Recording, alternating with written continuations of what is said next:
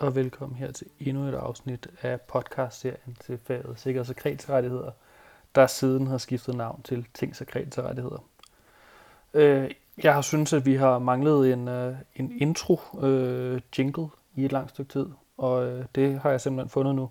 Så øh, fremover så vil man kunne høre en lille jingle, når podcasten starter. Det her afsnit det kommer til at handle om, hvilke aktiver der er undtaget for kreditorerne. Og der øh, er det vigtigt at vide, at det her med aktiv undtaget for kreditorerne, det er relevant både i forhold til, når der skal foretages udlæg, og under en øh, konkursbehandling. For ligesom at dele det op på en eller anden fornuftig måde, så starter jeg med at tage reglerne, der gælder om udlæg, og derefter så siger jeg, hvordan det hænger sammen med de regler, der gælder under konkurs. Man kan sige helt grundlæggende, så er det jo sådan, at efter retsplejelovens paragraf 507, så kan en kreditor få udlæg i, hvad der end øh, er af skyldners aktiver, som er nødvendige for at kunne få sikret sit krav. Altså som udgangspunkt, så har kreditor ret til at få foretaget udlæg i lige præcis det, som kreditor har lyst til at få foretaget udlæg i. De her regler, som vi skal snakke om i det her afsnit, det er så de regler, der går ind og begrænser kreditors ret til at få taget udlæg i hvad som helst. Det bliver først og fremmest begrænset af øh, den paragraf, vi har nede i øh, paragraf 517, stykke 1, hvor der står, at skyldneren øh, har en påvisningsret. Altså skyldneren har ret til at sige i fodretten, hvilke aktiver der skal foretages udlæg i. Der er det dog væsentligt, at man kigger nede i øh, stykke 3, hvor der står, at skyldneren ikke kan forlange, at udlæg foretages i fast ejendom eller andre sådan aktiver, som i forvejen er behæftet. Og det er fordi, at den type øh, aktiver, de er særlig svære at afhænde, og derfor så har man ikke den helt samme interesse øh, som kreditor i at få foretaget udlæg i den type aktiver.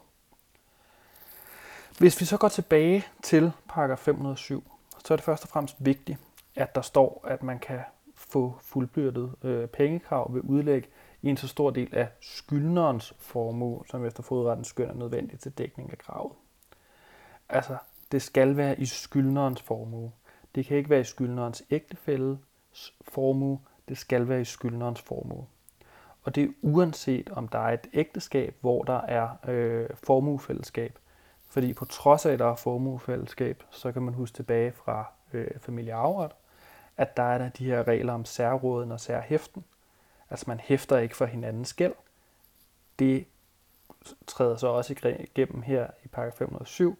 Altså det er kun skyldnerens egen formue, man kan få foretaget udlæg i. Så står der nede i paragraf 508, som vi allerede har været lidt inde på, det her med, at udlæg kan sgu egentlig foretages i hvad som helst. Det kan foretages i penge, det kan foretages i fast ejendom, løsøger, fordringer, eller andre typer aktiver. Det kan bare ikke foretages i fremtidige erhvervelser. Det vil sige, at man kan ikke sidde nede i fodretten og sige, hej, jeg vil gerne foretage udlæg i den løn, du får de næste 6 måneder. Det er ikke en mulighed. Man kan kun få foretaget udlæg i aktiver, der allerede eksisterer på det her tidspunkt. Nu kommer vi så ind i de regler, der begrænser, begrænser kreditors mulighed for at få foretaget udlæg. Først og fremmest så har vi i paragraf 509 det, som vi kalder for trangsbeneficiet. Altså nogle regler om, at man skal have ret til, på trods af udlæg, øh, og på trods af, at man er en debitor, øh, som ikke har betalt sine kreditorer øh, til forfaldstid, og de derfor skal have udlæg, så skal man have ret til at opretholde et beskedent hjem og en beskeden øh, levefod. Det betyder altså, at der er øh, visse typer af aktiver, som man ikke kan få lov til at få øh, foretage udlæg i. Eksempelvis så kan man ikke, hvis man er ude på en udkørende fodforretning, sige, at man gerne vil have udlæg i øh, skyldnerens seng, skyldnerens fjernsyn, skyldnerens sofabord, sofaen, skyldnerens spisebord, øh, skyldnerens computer sådan helt almindelige ting, som er nødvendige for, at man kan fungere som menneske øh, i år 2019. Alle de ting, det har man ligesom ret til at der ikke bliver foretaget udlæg i. Og det er en øh, levende størrelse, der udvikler sig over tid. Så det, der ikke øh, er nødvendigt øh, nu, det kan muligvis blive øh, almindelige og nødvendige i, øh, i fremtiden. Det var paragraf 509 styk 1. Så har vi nede i paragraf 509 styk 2 nogle regler vedrørende udlæg i andelsboliger. Der er det sådan, at man kun kan foretage udlæg i, øh, eller man kan kun undtage en andelsbolig for, at der kan foretages udlæg, hvis boligen kun øh, opfylder krav til at være en beskeden bolig. Det vil sige, at hvis man er en enkelt person, så skal man nok ikke op og have øh, 100 kvadratmeter. Og hvis man er to personer, skal man nok ikke op og have 200 kvadratmeter. Derudover, så skal det ikke være sådan, at man ved salg af den her andelsbolig vil kunne inddrive et beløb, der klart overstiger øh, udgiften, der vil være ved at blive øh, indsat i en lejebolig i stedet for. Så altså, det skal være en forholdsvis beskeden øh, andelsbolig, og så skal den værdi, som den har, også være forholdsvis beskeden. Det var stykke 2. Nede i øh, stykke 3, der har man en regel om, at øh, udlæg ikke kan foretages i aktiver indtil 3.000 kroner i værdi, som er nødvendig for øh, skyldnerens erhverv eller uddannelse. Øh, det er eksempelvis, hvis man har nogle bøger, øh, som er nødvendige for, at man kan drive sin virksomhed, så kan man ikke få foretaget udlæg i dem.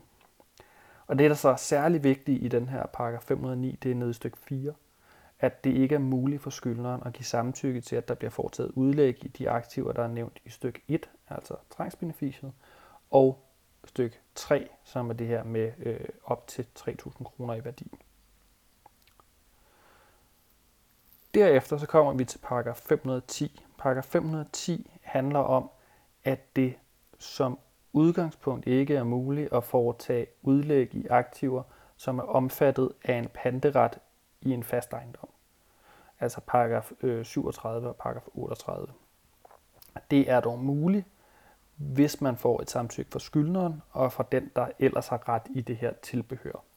Så hvis vi nu eksempelvis kommer ind i et hus, og der er et køleskab, så kan man ikke bare sige, at jeg vil gerne have udlæg i det her køleskab, fordi køleskabet vil jo være omfattet af tinglysningslovens paragraf 38, og efter tinglysningslovens paragraf 38, så kan man ikke stifte særskilte rettigheder over øh, det tilbehør, der vil være omfattet. Så derfor så er det altså vigtigt, at man er opmærksom på, at man kan kun få udlæg i sådan, nogle, sådan noget tilbehør, hvis man får samtykke, dels fra skyldneren og dels fra den, der har pant i selve den faste ejendom. Når vi så kommer ned i paragraf øh, 511, så har vi i øh, stykke 1, at det først og fremmest ikke er muligt øh, at få udlæg i ikke udbetalt løn, med mindre at der er gået syv dage efter øh, den periode, hvor der skulle have været sket udbetaling. Det er simpelthen for at sikre, at man ikke kan få lave en aftale med sin arbejdsgiver og sige, jamen, jeg har en masse kreditorer lige nu, der kan have fingre i mine penge. Vil du ikke holde pengene for mig? Det bliver der lukket for med den her øh, paragraf øh, 511 stykke 1, fordi man siger, jamen, hvis der er gået syv dage efter den periode, hvor lønnen er optjent, og hvor man ligesom skulle have den udbetalt, jamen så kan man foretage udlæg i den, selvom den ikke er blevet udbetalt. Så man kan ikke lave sådan en, en studehandel med sin chef. Derudover så fremgår det af stykke 2, at man ikke kan foretage udlæg i krav på leje, før at den her leje den er forfaldet.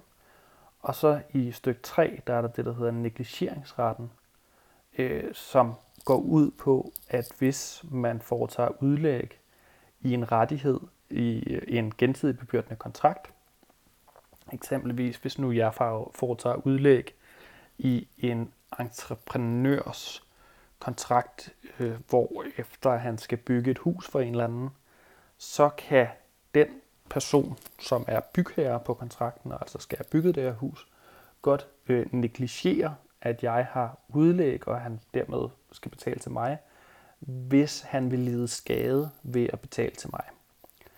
Eksempelvis hvis nu at den her bygherre han skal betale til entreprenøren for derigennem at sikre, at entreprenøren kan købe byggematerialer, så han kan bygge huset, jamen så kan man altså ikke stille sig i vejen for det som udlægshaver. Jeg må finde mig i, at øh, øh, bygherren han betaler direkte til entreprenøren, for at det her hus det kan blive bygget færdigt. Når vi så efterfølgende kommer ned i paragraf 512, så kan man ikke foretage udlæg i øh, ydelser, som ikke kan kræves betalt til andre end den berettigede personlige. Man kan heller ikke få foretaget udlæg i ægtefældebidrag eller øh, børnbidrag. Og man kan heller ikke få foretaget udlæg i øh, sådan sociale ydelser. I paragraf 513 står der, at man kan ikke få foretaget udlæg i øh, enten person, personskadeerstatning eller forsørgertabserstatning. Det kan man dog godt, hvis beløbet det er blevet udbetalt, øh, og man ikke har holdt det her beløb afsondret fra ens andre midler. Altså man skal sørge for, hvis man har en personskadeerstatning eller forsørgertabserstatning, at det bliver sat ind på en særskilt konto. Og hvis man køber en bil for de her penge, at man så ikke blander nogen af ens andre penge ind i det. Fordi hvis man gør det, så vil man ikke kunne holde det tilstrækkeligt adskilt til, at man kan sørge for, at der ikke bliver foretaget udlæg i det. Når man så efterfølgende kommer ned i paragraf 514, så får man at vide, at man ikke kan foretage udlæg i båndlagte gaver. Det giver meget god mening. Det man bare skal være opmærksom på, det er, at båndlæggelsen den skal være øh, foretaget senest på det tidspunkt, hvor gaven gives, og så skal der være tale om en reel båndlæggelse. Altså det skal være sådan, at skyldneren selv ikke kan rode øh, over den her gave. Fordi ellers så kunne man lave nogle konstruktioner, hvor at man sagtens skulle sælge gaven videre, øh, men den var beskyttet for udlæg. Og det er ikke det, der er tanken med det. Så kan man, når vi kommer ned i øh, 515, der er der først og fremmest stykke 1, med at man ikke kan foretage udlæg i ting, der har en særlig affektionsværdi, med mindre at det øh, vil være urimeligt, at man ikke kunne foretage det udlæg. Her der arbejder man en, med en grænse på omkring 3-5.000 kroner. Så hvis nu jeg har øh, arvet et øh, ur af mine bedsteforældre, og det ur det er 10.000 kroner værd, så kan jeg ikke øh, holde det tilbage fra udlæg. Men hvis det derimod kun var 3.000 kroner værd, så ville jeg godt kunne gøre det. Fordi der anser man det ikke for, at det er urimeligt, at jeg holder det her ur uden for den øh, formue øh, sammensætning, der kan foretages udlæg i. Paragraf 515 stykke 2, der kan man så ikke foretage udlæg i hjælpemidler, som er nødvendige på grund af øh, læmelige mangler. Altså eksempelvis kan man ikke gå ud og så tage udlæg i folks øh, krykker, deres kørestol, hvis de har en særlig bil, som er indrettet på grund af et særligt øh, handicap eller sygdom, så kan man heller ikke foretage udlæg i det. Det er de væsentligste regler, der gælder om øh, altså de her begrænsninger i, hvad man kan foretage udlæg i. Og det er de regler, man skal være opmærksom på, når man snakker om, om man kan foretage udlæg i noget, eller om man ikke kan foretage udlæg i noget. Så lovede jeg, at jeg vil også ville sige noget om, hvordan det hænger sammen med reglerne over i konkursloven. Og der er det sådan, hvis man går over i konkursloven, så står der i øh, konkurslovens paragraf 32, at konkursen den omfatter skyldnerens formue ved afsigelse af konkursdekretet, og hvad der under konkursen tilfælder øh, skyldneren. Dog så fremgår det nede i paragraf 36 i konkursloven, at aktiver, hvor i man ikke kan foretage udlæg, de indgår ikke i konkursmassen. Med mindre at der er bestemt noget særligt. Så alle de regler, vi lige har snakket om, der gælder i forhold til udlæg, dem kan man altså heller ikke inddrage under en konkursbehandling. Så det er rigtig vigtigt, at når man sidder og man har en opgave, uanset om det er udlæg eller om det er konkurs, at man så husker de regler, der er over i retsplejeloven.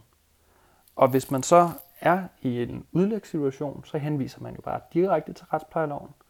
Hvis man, hen, hvis man er i en konkurssituation, så henviser man til reglerne i retsplejeloven, men igennem konkurslovens paragraf 36. Det er altså de regler, der gælder om øh, de her aktiver, der er undtaget for kreditorerne. Øh, og det var det, der var emnet for den her podcast. Jeg vil sige tusind tak for, at du har lyttet med, og så håber jeg, at du vil lytte med igen, når næste afsnit kommer. Tak.